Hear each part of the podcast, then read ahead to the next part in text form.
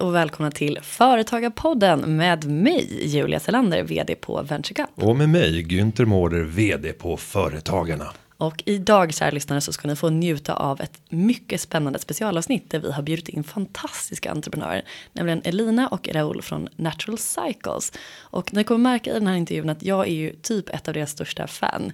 Günther, du ska också få grilla dem på lite frågor. Ja, jag hoppas få göra det. Och innan vi släpper in dem i studion så tänkte jag också tipsa om att eh, företagarna denna vecka, då det här spelas in, vecka 8, släpper rapporten Föräldrafällan 2.0.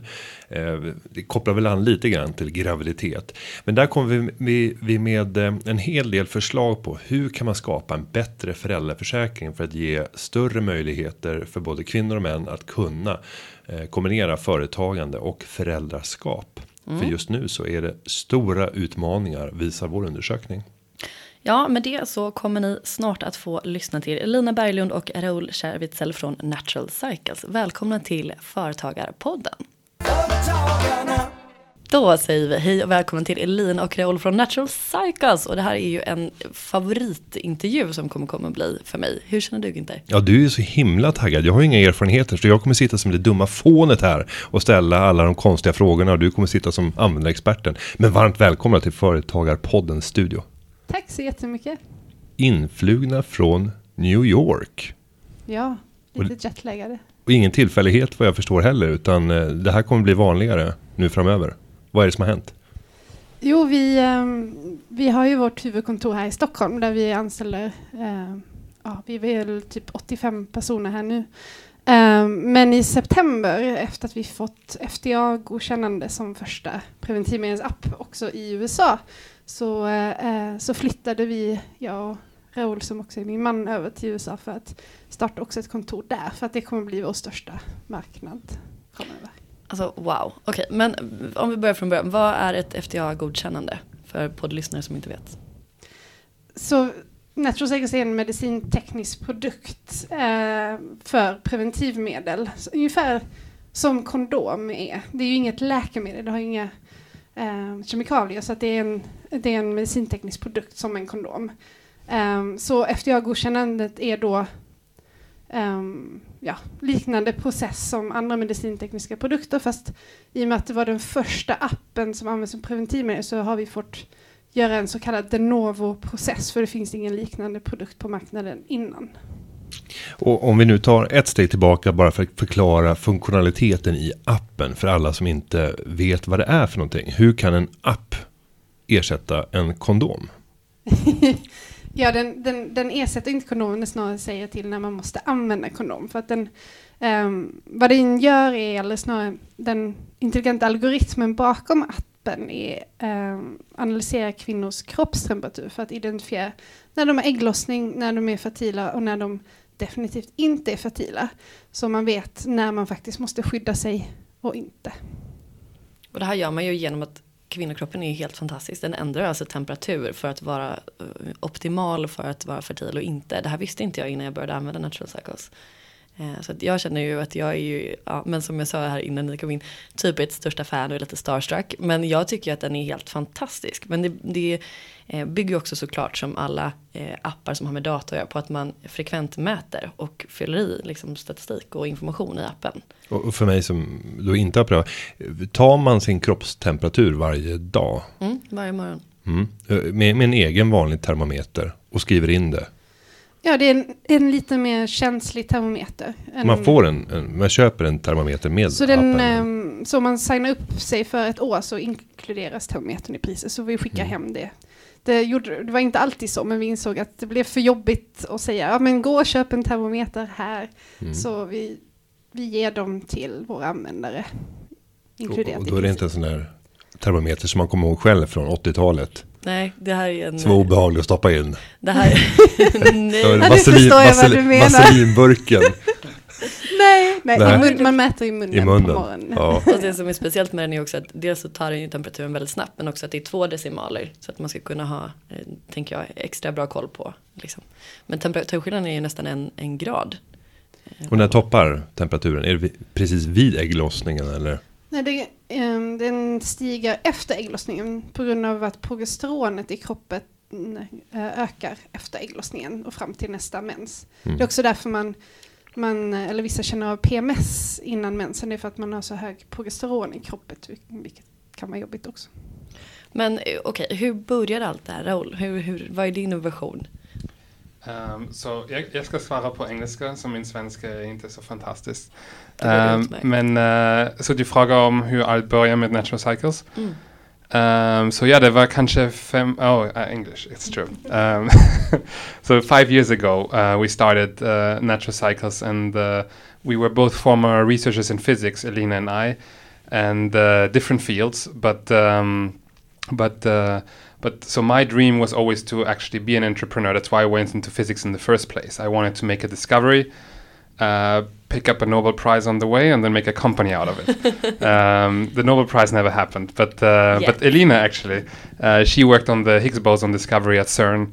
Uh, which actually led to the Nobel Prize a year after, so she she she she, she did uh, she she got that one, and um, and uh, and so like um, so we were in this phase where we both were like pretty far in our scientific careers, but I, like I wanted to do a company, and the, the the the materials that I was working on they were very interesting of how they worked, but they they you know they were radioactive and then they only worked in space so the application time was really far away actually. Um, but elena out of a personal need she she she, she quit hormonal contraception not because she was unhappy with it, but because she, wanted, you know, we wanted to have children a couple of years, and uh, she wanted to have a, um, you know, she wanted to get off hormonal hormonal contraception to get to know her body, so that you know, like we would be set up for success when, once we're ready to have children, and um, and so we looked into hormone-free, effective alternatives, and there was really not much there. There was a condom you can choose from, uh, samlag, as you say in Swedish,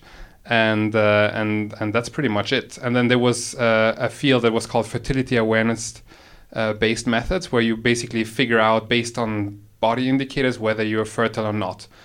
And um, and and and there was we we dove into the research and read up all the studies. And Elena actually applied her knowledge from the Higgs boson discovery onto developing an algorithm that basically analyzes temperature data instead instead of uh, particles colliding together, and um, and and and so we started that um, first for ourselves, and then our scientist colleagues started to join, and I had this brilliant idea to move it into a spreadsheet, Google spreadsheet for everyone, individualized, and there was a chart and everything, uh, and that's when we realized that actually there's a huge need. Uh, in the world uh, for effective hormone-free birth control method, and um, and so we we decided to quit our careers in in, in, in science and, and and start this company and make this product available for everyone and that's kind of how it started.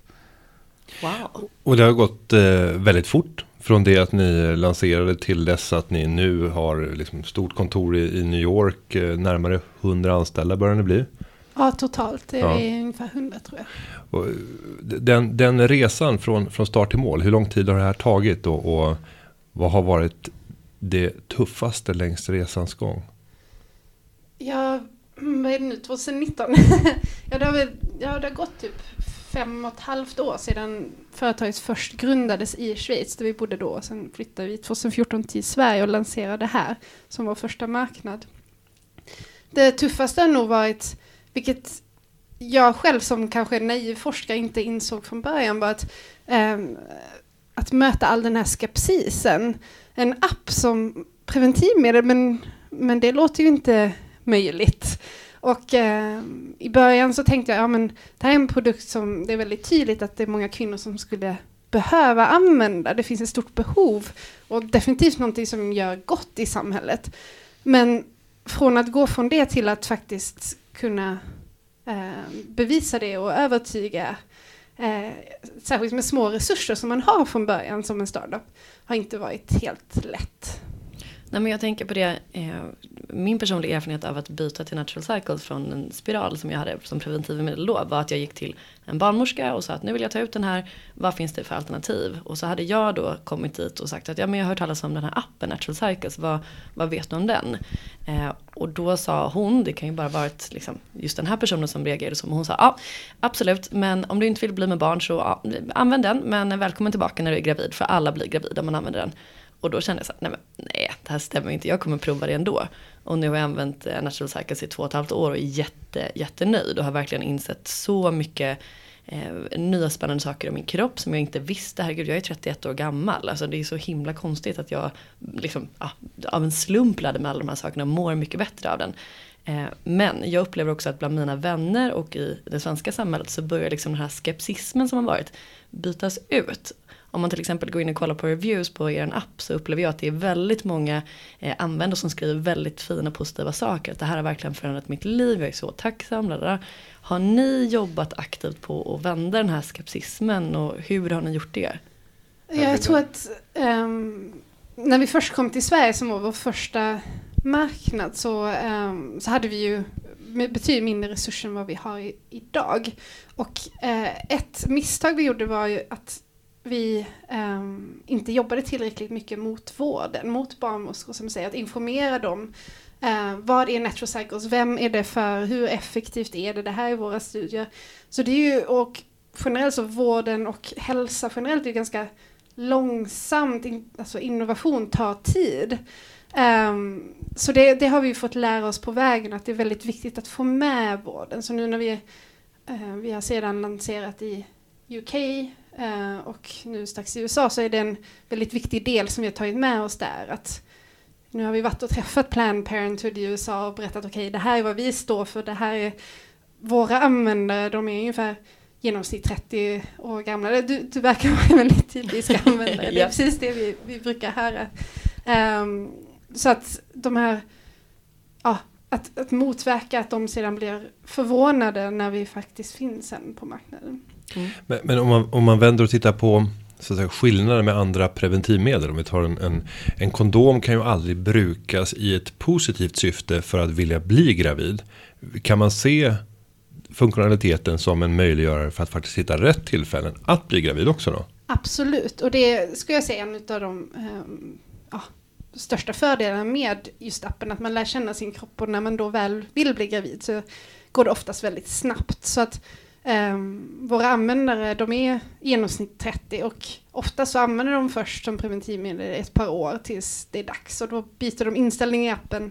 Då ser de när de är som mest fertila och, um, och ja, gör åt andra mm. hållet så att säga. Så det är definitivt en fördel.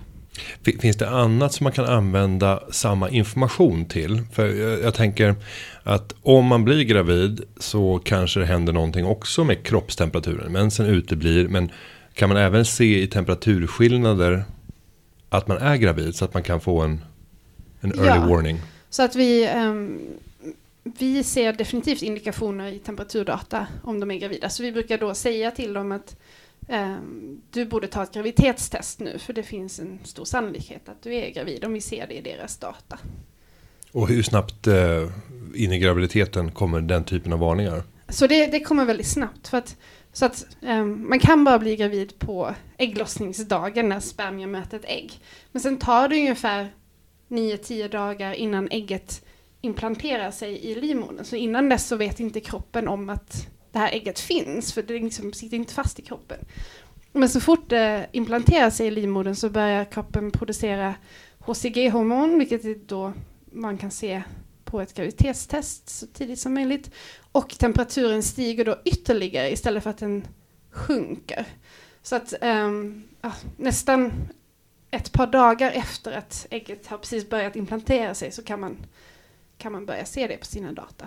Men jag tycker det är spännande för att det som då var den negativa feedbacken i början upplever jag just att det, det, krävs ju väldigt mycket ansvar av användaren. Det vill säga att det ska vara gärna samma tid varje dygn som du mäter och det ska, ja, du, du måste ha sovit ordentligt, du ska inte liksom vara bakfull eller sjuk för att liksom statistiken och algoritmen ska funka. Och det här upplever jag var någonting som ja, folk då tyckte att nej men det kommer aldrig funka för mig, jag kommer aldrig komma ihåg och sådär. Men lik, alltså, andra preventivmedel innebär ju också, tar du p-piller exempelvis så ska du också gärna ta den exakt samma tid på dygnet och sådär.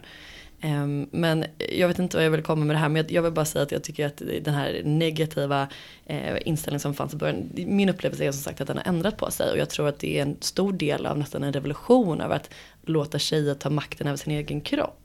Är det någonting som ni hade med er från början eller är det någonting som har kommit liksom under tiden att ni har fattat oj det här kanske var större än vad vi trodde? Ja, för mig så, så har nog det, har jag insett mer och mer, ju mer jag har jobbat med natural cycles, eh, de, här, de här mer feministiska vinklarna, snarare typ att också att, att det inte är alla som är bekväma med att vi har makten över vår egen kropp. Att det känns säkrare att någon annan har makten över din kropp. Mm. Um, men det har jag insett är en väldigt stor grej och jag, precis som du säger, så kände jag från början att wow, det är ju fantastiskt, jag kan mäta min temperatur och se hur kroppen fungerar. Uh, jag tänkte först att, att det var kanske var för att jag var forskare som jag tyckte det var så otroligt intressant. Men sen hör vi ju det gång på gång av alla våra användare, så det är verkligen någonting som uppskattas. Mm. Vad hade, ni, hade ni någon erfarenhet av att eh, starta och driva bolag sedan tidigare? No, not for me. Like I, I grew up uh, as a as a as a child of two teachers, um, and uh, and and so I, I, I never really encountered uh, entrepreneurship on my side, and uh, so that that was very new. But it was always my dream uh, to do that. Och om vi nu tittar på er företagsresa så har ni valt att eh, ta in ägare i ett ganska tidigt skede, externt kapital. Hur eh, tänkte ni kopplat till att ta in rätt finansiella partners som även kunde sparras när det kommer till bolagets utveckling? Det var någonting som, som Raoul och jag diskuterade väldigt tidigt, att antingen så så eh, bootstrappar vi det här och tar inte in någon kapital alls. Men då får vi inse att, att vi kommer växa mycket, mycket mer långsamt. Eller så tar vi in kapital men då är det mycket mer press på att faktiskt göra det här stort. Och jag tror det hade mycket med att göra att vi såg potentialen på en global nivå. Att det finns så många kvinnor där ute som skulle dra nytta av den här produkten. Så vi tänkte att nej men vi satsar på att ta in pengar och försöka växa mer istället. Och, hade ni någon hjälp i den processen? Hur gör man om man är en entreprenör som sitter med en idé som kan skalas upp världen över men kanske inte har erfarenheterna och kunskapen om hur man ska gå tillväga? Hur gjorde ni för att få kunskaper? Och Yeah, like uh, it started like when we were in, back in the days in Switzerland, and we, um, I mean, you know, there was the internet, and you could like uh, Google some pitch decks, and there was like one guy, I think Dave McLaren or so, that he made the slides on how to make a pitch deck, and then you know you basically just do the same but with your with your company. And then and then you uh, look at uh, what types of VC there are and you start sending them the decks and you get no answer basically. Um, and then you have different way like we had in our case I had a I had a friend from study that had a startup and was a little bit already beyond that. So he helped me make some introduction and that already helps a little bit more because it's a bit more of a qualified uh, introduction than just cold uh, emailing someone. And, uh, and, uh, and and and so you send it out to a few investors, and, and and a few of them that are interested come back, and then you start the conversations like that. But yeah, you it's it's it's in the end, you know, like if you're the the, the one who can explain your product and the company and the value you bring to the market the best and that's really about how you tell the story and uh, and, and and and and convince investors then Och det, till det stadiet så kan det ju vara relativt lätt att förstå vad man ska göra. Du ska få en investerare på kroken. Men när man väl har fått dem på kroken och ska gå in i de här avtalsförhandlingarna och, och diskutera hur ska avtalet byggas upp? Hur, hur stor del av ägaren står vi beredda att släppa? Vad är en rimlig värdering av ett sånt här bolag? Det är inte självklara frågor för den som precis har kommit på en smart teknik som kan erövra världen. Hur samlade ni på er kunskaper där? Är det googla No, på den delen mistakes. också. mistakes, ja. mistakes you paid dearly for in the beginning, and then you try to uh, to to learn from them uh, as you go as you go on. Um, I would uh, I would recommend to people that are interested in the first round to either you know like uh, speak to to try to figure uh, try to get in touch with other entrepreneurs that have done rounds before and, and see what they have done. I think that's a good source. Otherwise, aim for fifteen percent to give away for the company no matter what you raise. That's a, that's a starting point I would say. Vill ni bjuda på något av misstagen? Har ni gjort det tidigare? Vi, vi gav ju bort alldeles för mycket i första rundan. Det var tydligt. Vi, för, vi förhandlade i princip inte. Vi var ju bara glada att någon var intresserad. Mm. Uh, så vi skulle ju ha förhandlat där. Uh, men det gjorde vi inte. Du kanske haft någon trappa successivt. Man behöver kanske inte allt kapital omedelbart. Om man, om man har en idé med en teknik som kan spridas snabbt att tänka kan vi göra en trappstegsmodell i kanske ett halvår i taget för att släppa delar av ägandet mot att ha en värdering som baseras på användare eller Ja, det, inte i första rundan hade vi inte det. Men Nej. vi har haft det i en annan runda. Så det, det beror lite på hur, för, ja, hur går det för företaget just då. Det kanske är bra när, om det inte går jättebra just då men man måste ta in pengar ändå. Så kan det vara bra att ha en sån modell. Och för er två som entreprenörer och dessutom partners. Om ni ska dela med er tips. För det finns nog många par där ute som får idéer om att starta företag. Eh, och och sen så tycker man att det verkar vara en fantastiskt bra idé att starta tillsammans med sin partner som man känner utan och innan. Men jag har också sett mängder av exempel där det här inte har varit bra. Men i ert fall, hur har ni lyckats? Jag tror att det, det är väldigt viktigt att man, att man aldrig tröttnar på varandra. Så att i alla fall för oss så behöver vi aldrig någonsin vara ifrån varandra. Vi trivs bra 24-7 tillsammans. Och det tror jag är väldigt viktigt för att annars så kanske man börjar gå varandra lite på nerverna och irritera sig på varandra. Och då, ja, då är det nog inte så roligt att driva företag tillsammans. Så det, det tror jag må, måste vara ett måste innan man, man satsar på det. Och sen så tror jag att det är, det är bra om man från början dela upp det lite. Så att vi, vi diskuterade aldrig riktigt hur vi skulle dela upp det, men det var ändå väldigt tydligt att mitt, min passion var produkten, att utveckla algoritmen och produkten, medan Raoul var mer business-sidan.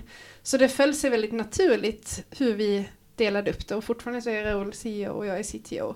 Även om vi aldrig egentligen diskuterade det. Det kanske är bra att diskutera det först. Mm. Ehm, om det inte är helt tydligt utan. Och Raul, hur är ditt perspektiv på det här? Yeah, I agree. I think you need to, you know, you need to really um, want to spend all your waking moment uh, working with that person. And uh, in our case, in my case, it's also my wife, and and and and uh, and that worked out great because you know, like uh, like this, we can work all the time, and uh, you know, you don't need to uh, in the you don't need to allocate extra time to do something else with your with your wife or so it's just you you work and uh, that's that's awesome Sen om man tittar som extern investerare så skulle jag ju se det både som en styrka men också som en risk. För det är klart att det finns händelser i, i, eh, i ert liv när det gäller hur man vill ta ut semester där jag menar, hela bolagsledningen och grundarna är, är borta. Det kan vara så att man, Det blir ingen semester. det blir ingen semester. en vecka om året. Det, det kan tänkas att det vid något tillfälle dyker upp barn. Ja, det är en, en andra barn på väg. Ja, och, och, då, och då inträffar det ju att eh, man naturligtvis vill rikta allt fokus åt det barnet. Eh, hur löser ni det för att backa upp när det kommer tillfällen i livet där båda vill fokusera fullt ut på de privata delarna i livet? Det, det har nog inte hänt än. Um, alltså trots barn och att, klart att man ibland behöver semester och så, så har vi så har ändå vår passion för Natural Cycles kommit först. Ehm, så det brukar inte bli så mycket semester också eh, och inte så mycket föräldraledighet heller. Mm. Eh, så när vår dotter kom, då var Natural Cycles, eh, hon är nu fyra och ett halvt, så då var Natural Cycles väldigt ungt företag. Så då var det, då jobbade jag gratis och gav min mamma peng till en barnvakt så jag kunde jobba. Eh, Nu har vi lite mer resurser så jag hoppas att det blir lite lättare den här gången men eh, ja, det var inte väldigt tydligt för oss att ehm, det är klart, vi vill ändå ha barn så vi har ändå valt att ha det men kanske inte den traditionella vägen att ta ledigt i ett år. Mm. Jag vet. Nu är det min tur att ställa en fråga. Ehm, ja, men jag tänker, ni har ju erfarenhet av både att starta upp på den svenska marknaden och den brittiska och nu på den amerikanska. Hur skiljer det sig åt med regler och lagar? Och hur ser ni på Sveriges chans att liksom ta upp jakten med stormarknaderna? Är det någonting som vi måste ändra på här för att företagare ska må bättre, tänker ni? Yeah, I think if correct me if I didn't understand the question Mm. uh, properly, but I think I think the world in the technology space especially is like really like it's really one world, and uh, it's um, and of course there are differences, right? You pay uh, some taxes here differently than others, and and there's other, you know, like there's just different styles and cultures and so on. But in in the end, I think you know, like it's. Uh, you know like it's it's um, it's pretty much the same everywhere i would say in the world right you need to you need to have a you need to have a um, you know, uh, you need to build a great team and and and and and, and work to on, on your mission. And uh, I think that's uh, that's I think is uh, pretty much like uh, universal. And uh, and so in our case I think I think stock Sweden in particular I would say has been uh, like me as an outsider from Sweden basically I can looking at it I think they, you did a lot of right investments as a country and and early on in, into technology. You got fiber cables very early and I think you you fostered therefore like you create some sort of platform uh, of people that could leverage that and build companies. And I think uh, I think uh, you know the ecosystem in Stockholm grew very strong, and and and you know you have entrepreneurs that have been successful, and then they didn't just move away, but they stayed, and then and then they started new companies and and those people that they train a mentor during the time they started their own company so i think uh, i think sweden is actually has really been great at adopting you know technology and embracing it and and I think you're gonna profit from that in the future uh, a lot. Och om vi går vidare och tittar på framtidsplaner och hur man bygger sitt företag. Har ni en klar uppfattning om vart här ni vill driva bolaget? Finns det en klar exitplan? Har ni tänkt att behålla det här för all evig framtid så länge det går? Vad är tankarna med bolaget långsiktigt? Vi har ju en, en väldigt stark mission um, med företaget, men exakt vilken exit och så har vi inte uh, skrivit ner någonstans och följer det exakt. Utan det är snarare typ att vi, vi vill nå ut till kvinnor med ett effektivt naturligt preventivmedel och um, gör vi det så kommer resten falla på plats. Och det, och det betyder alltså att om det skulle dyka upp andra tekniker och liknande som skulle kunna förbättra och få er att närma er långsiktiga vision om att kunna hjälpa kvinnor och kanske män. Eller är det isolerat till kvinnor som ska hjälpas? Jag sitter och tänker, kan det komma någon teknisk funktionalitet för att få männen att lära känna både kvinnan och sig själva bättre? Ehm, ja, jag, jag, tycker alltid det är lite roligt eh, när jag får frågan, okej, okay, vi satsar på women's health, eh, så kvinnors hälsa. What about men's health? Det jag ibland frågan.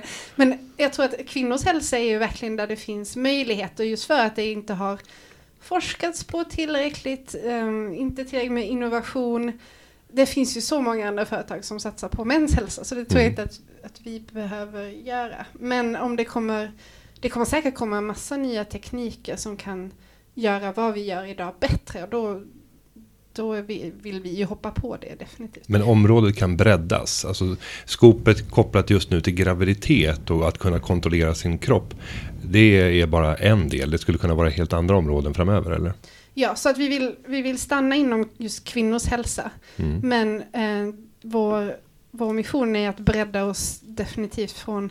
Så idag så satsar vi främst på preventivmedel men även hjälpa kvinnor att bli gravida, följa deras graviditet. Um, men det vill vi bredda i framtiden. Se vad, vad, kan vi mer göra inom kvinnors hälsa med den, den data vi har. Uh, det är därför vi har ett, ett innovationsteam idag i, uh, i Genève med partikelfysiker som eh, med fem personer som sitter och kollar på just, okej, okay, om vi hade den här datan också, vad hade vi kunnat säga då om kvinnors kroppar eh, utöver vad vi kan göra idag? Men är det en omöjlig tanke, för jag har ju exempelvis ett, ett chip här i handen Ehm, för att komma in på Sats och eh, ja, åka SJ och alltså, exakt.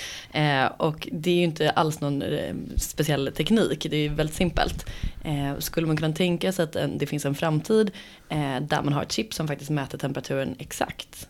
det bästa hade ju varit att ha ett chip som mäter alla hormoner direkt i blodet.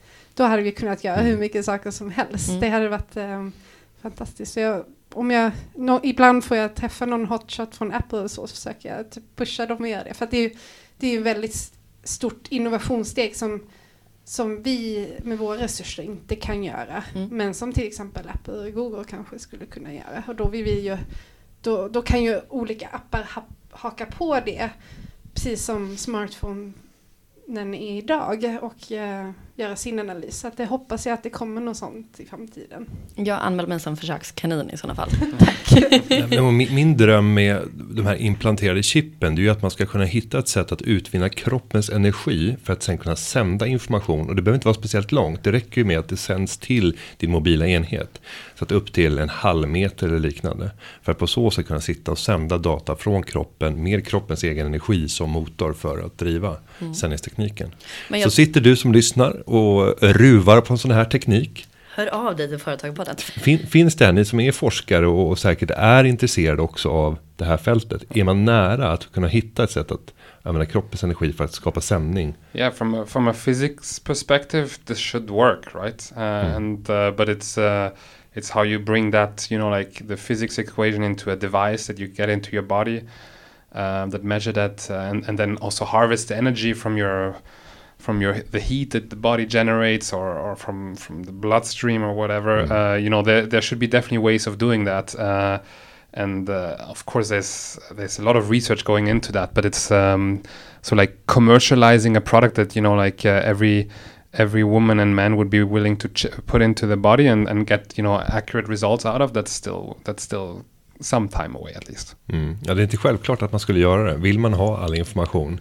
Men det är klart att eh, jo, det visst är det frestande. Jo, men jag, jag, jag är nog en, en sån person. Ja, jag med. det kanske inte är så konstigt. Yeah, I think it's, you know, like there's, yeah, there's always pros and cons and I mean, you, usually, you know, like you want to have more information than less Like otherwise you would just be going backwards in times and mm.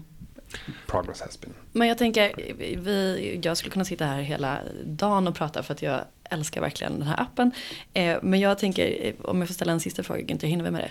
Ja, sen tänker jag någon typ av sammanfattning med lite tips till en annan entreprenör eller grupp av entreprenörer som sitter med en spännande teknik som har en världsomspännande potential. Så ni får ruva på det svaret så får mm. Julia ställa sin fråga innan. Ja, jag tänker, ehm, för att när jag började använda appen så använde jag den enbart till att okej, okay, men jag vill inte bli gravid. Och så fyller jag på liksom statistik kring det. Men nu har det börjat komma superspännande funktioner med så här, okej, okay, men det är inte bara liksom eh, graviditet eller inte som, som man kan liksom eh, reglera, utan det är också allting beror ju på min cykel som kvinna. Alltså min hy jag har fått superspännande information om typ hur hyn påverkas av cykeln, vilket jag inte visste, vilket som kom upp som en sån här liten pop-up grej. Hur, jag tänker att det här är liksom funktionen som kommer upp efterhand. Är det så att ni lägger mycket resurser på att eh, eh, liksom testa vad vill folk ha för information? Eller hur jobbar ni med liksom använda tester och affärsutveckling av vad man kan göra? Ja, vi har, vi har ju insett att um Anledningen till att de flesta börjar använda natural cycles är för att de inte har hittat ett preventivmedel som, som passar dem innan och de, um, ja, de, då är de villiga att testa natural cycles istället som, som inte har biverkningar. Um, men sen när de väl gör det så, så får de den här aha-upplevelsen att de lär känna sina kroppar och känna sig empowered av det. Så det det är någonting som, som kommer senare och det är därför vi också börjat lägga in mer och mer information för vi ser att våra användare verkligen uppskattar det. Men det är ingenting som man kan egentligen sälja in produkten med för det är ett behov som, de, som kvinnor inte alltid vet mm. att de har innan de känner av det, eller man ska säga. Spännande. Jag tänker, ja, min kille, jag har ju tvingat honom att ladda ner appen också. Fast han får liksom logga in på min användare som liksom någon slags tvillinggrej. Så att han också, för jag tycker att det är lika mycket hans ansvar att ha koll på när jag är fertil och inte. Finns det någon sån variant på gång fast för killar, liksom en spegelversion? Ja, det, det är en av de här sakerna som, som har varit på to-do-listan i många år men som sen aldrig riktigt kommer till prioriteten. Men mm. eh, visst hade det varit jättebra med en sån funktion. Men sen tror jag det kanske kan vara ett tips då som eh, till människor som vill starta ett företag. Man måste alltid fokusera. Och gör man för många saker så blir det svårt att göra de sakerna bra. Så vi har mm. hittills sagt att det här är inte prioritet för vi vill verkligen satsa på användarupplevelsen för kvinnan. Men sen, så, sen som du säger så kan ju mannen mycket väl logga in. Eller kvinnan kan logga in på mannens telefon så har han tillgång till mm. informationen. That's why men's health will have to wait. Mm. have to focus. Det låter som ett väldigt klokt tips. Att eh, fokusera på att eh, göra det ni gör och göra det bäst helt enkelt. Istället för att börja spreta. Även om det finns otrolig potential för flera olika varianter och mervärden eh, kopplat till er produkt. Raoul, har du också något tips till eh, personer som vill starta företag? Vad ska man tänka på?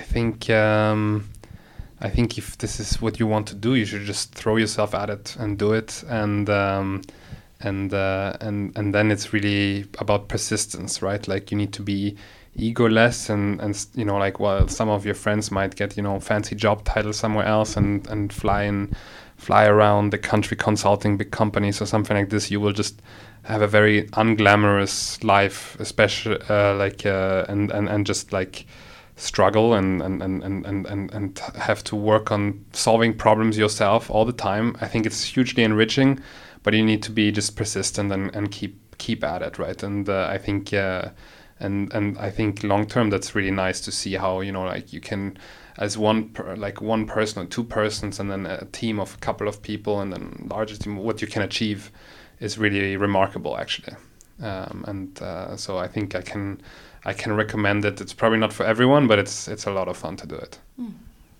Och ett medskick är väl till alla som befinner sig i fors forskarvärlden också att börja fundera över hur kan man kommersialisera kunskaper som man förvärvar i den akademiska miljön. För där tycker jag att vi ser allt för lite av eh, forskare som ser den affärsmässiga potentialen i det man gör. Och det är klart att blir man inte ut eh, som företagare så det, det man blir mätt på och det som är synliga resultat det är ju det man gör. För det ger bekräftelsen. Och jag tror att det finns en fara kanske i den akademiska världen att det man hela tiden blir bekräftad av sina överordnade det är var man blir publicerad och på vilket sätt man refererar tillbaka till den forskning man själv har gjort. Det är inte lika kreddigt att kommersialisera i min uppfattning när man pratar med akademiker om just eh, de kunskaper man har förvärvat i den akademiska miljön. Men håller inte det på att ändras lite då? Är det inte ganska coolt att kommersialisera sin forskning även inom forskarvärlden? Yeah. That's always been my dream to do. Ja, jag tror att det, fin- det är ett ganska stort steg att lämna den akademiska världen. Och, och ja, jag tror också att det oftast kan kännas ganska läskigt. För att det är någonting man kan och vet till någonting där man börjar om mer eller mindre eh, från scratch om man inte har koll på allting. Men jag skulle också vilja uppmana forskare att, att, att fler ska våga ta det steget. Eh, även om det kan vara läskigt. Mm. Para ihop er med eh, några andra som har erfarenheter. För att det ju fler kunskap man har i teamet desto bättre blir det. Men eh, det här har varit väldigt lärorikt och intressant för mig och för Julia. Ja, du har ju varit närmast exalterad över det här och du har pratat så många gånger om att få till stånd den här intervjun och det här mötet. Jag är väldigt glad att ni tog eh, av er dyrbara tid att komma hit. Eh, verkligen. Tack snälla för att ni har varit med i Företagarpodden. Ja, tack för att vi fick komma med. Thank you. Och lycka till framåt. Och där är vi tillbaka i den tomma studion. Eller tomma, det är du och jag. Vi, vi fyller ut den här studion rätt väl. Mm. Men eh, du var ju uppfylld till bredden. jag var, Både jag var inför, uppspelt. under och även nu efter. Ja men jag hoppas att jag inte var alltför entusiastisk. Det blev så eh, babbligt då. Men Man skulle jag... kunna tänka sig någon sån här typ av eh Sveriges Radio SVT-kommentar. Det finns också många andra preventivmedel som går att använda. Det finns många andra preventivmedel eh, som går att använda. Nej men eh, otroligt inspirerande. Jag tycker att det är inte bara för att jag är en väldigt nöjd användare men också för att vara en del av att förändra och revolutionera kvinnors hälsa. Det tycker jag behövs. Det är väldigt spännande. Otroligt inspirerande att höra hur de har lyckats Eh, med förutsättningen att de är ett par. Det är inte det lättaste jag kan tänka mig men för dem verkar det väldigt naturligt och inspirerande. Och just att det, det är ju faktiskt, det är ju raketforskare som ligger bakom där kan man mm. säga.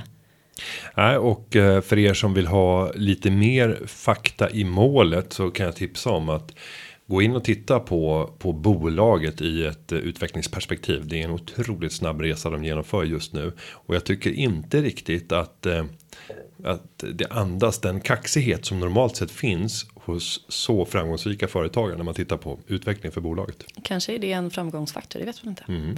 Men vi är väldigt stolta över att vi fick till det avsnittet för precis som vi sa så har de ju flyttat över till Manhattan och jag inte vilka vilka intervjuer som helst. Men till Företagarpodden kunde de tänka sig att ställa upp. Så det känner vi oss stolta över. Ehm, men vi är tillbaka nästa vecka precis som vanligt. Och vill du skicka in din lyssnarfråga så kan man göra det. Hur gör man det? Ja, men då gör man ju som vanligt. Man använder hashtag företagarpodden på Twitter och på Instagram. Eller så går man in på företagarpodden.se. Och där finns det ju ett formulär om man vill ge lite mer bakgrundsinformation eller liknande kopplat till sin fråga. Eh, och nästa avsnitt ska vi bland annat besvara hur man kan tänka med löner kopplade till eh, de anställda man behöver när man startar en eh, ett bolag. Finns det andra sätt att jobba ersättningsmässigt för att på så sätt kunna få en bra utväxling med kompetenser utan att behöva betala ut enorma löner som man kanske inte har pengar till Nej, från början. Antagligen så har man inte så himla eh, tungt i kassan i början. Det och mycket annat kan ni ställa frågor till. Gör och, gärna det. Ja, och med det ska vi säga att den här podden och avsnittet har förberetts av David Hagen och klippningen den är gjord av Linda Aunan Edvall. Vi hörs igen nästa vecka. Ha det gott. Ha det fint. Hej. Företagarna. Ja, ja, ja, ja, ja, ja. Företagarna. Ja, ja, ja, ja, ja, ja.